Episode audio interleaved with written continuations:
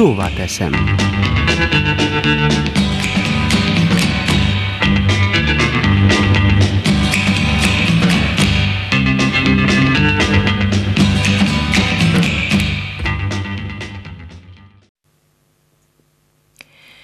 Gyerekként hallott először a kabátba vart orvosi diplomáról, amit így juttattak át a határon túlra annak tulajdonosához. Hallott arról is, hogy a nagykövetségre menekültek valakik akkor. Nem tudhatott még semmit sem előzményekről, sem eseményekről, sem következményekről. Csak érezte az emlékező hangjából átjövő izgalmat.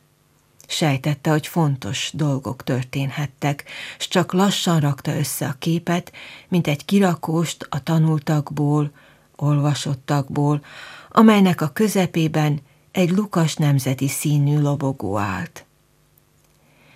1956 megszakította azt, ami folytathatatlanná vált. Véget vetett valaminek, amire azt mondták zsarnokság, és megalapozott valamit, ami a szabadabb ország felé vezetett. De el kellett szakadni a régi eszméktől. Ám minden ilyen harc, vereség és diadal is egyszerre, mert választ vár a folytatásra.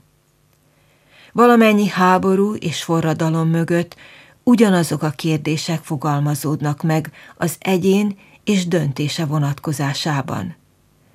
Másképpen emlékeznénk idén is, ha a közelben nem dúlna háború, és ha a fegyverkezés, energiaválság helyett más problémák megoldására fókuszálhatnánk. Kényszerű helyzetbe kerülünk valamennyien, de összehasonlíthatatlanul nehezebb a hazájukat védőknek, mint ahogyan a rájuk támadók nagy részének is. Mennyire szomorúan időszerű Simone de Beauvoir Mások vére című 1943-ban megírt regénye, amelynek fiatal hőse felszámolt családja által biztosított jómódú életével, és a 30-as évek Franciaországában csatlakozik a munkásokhoz. Ez az életmód és szemléletváltás új kérdésekkel szembesíti őt. Így gondolkodik. Szégyeltem magam de a szégyen mit sem számított a felszaggatott véres csatatereken. És a sebesültek hörgése kegyetlen írtózattal töltött el. A Pireneusokon túl spanyol munkások estek el a fasiszták golyózáporában, de megmenthettem volna-e őket francia életek árán, akár csak egyetlen olyan élet árán is, amely nem az enyém. A zsidók úgy hullottak, mint a legyek a koncentrációs táborokban, de volt-e jogom az ő holtesteiket ártatlan francia parasztokéra cserélnem? A saját testemet, a saját véremet adhattam volna, de a többiek életével nem rendelkezhettem kedvem szerint. Miféle fensőbséges eszmejegyében lehetne összehasonlítani, számba venni őket, azt állítva, hogy ismerem a pontos értéküket. Maga az Isten is kudarcot vallott volna egy ilyen döjfös terv megvalósításával.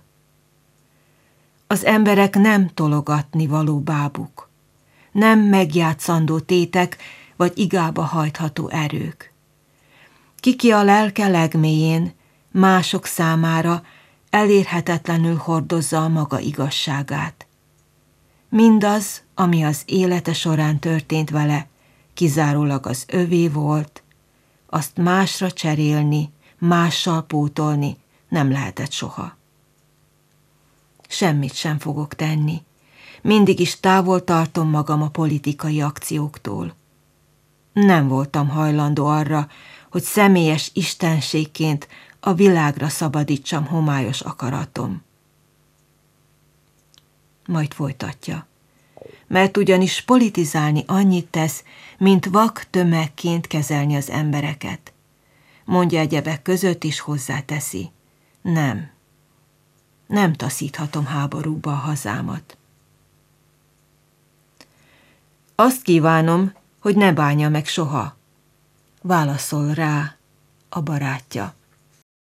Mondani sem kell, hogy az addig ünnepi hangulatú városokat hamarosan előzönlik a megszállók, a boldog szerelmesek ráébrednek, fel kell számolni a háború ellenes eszmékkel, és az ellenállás tagjaivá lesznek. Vállalják a szabotás akciókat, még akkor is, ha mások vérével fizetnek.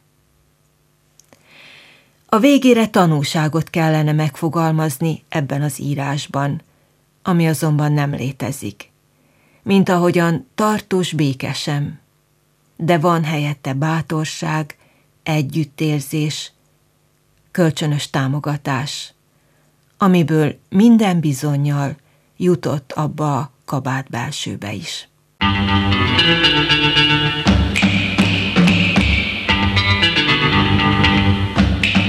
Szóvá teszem.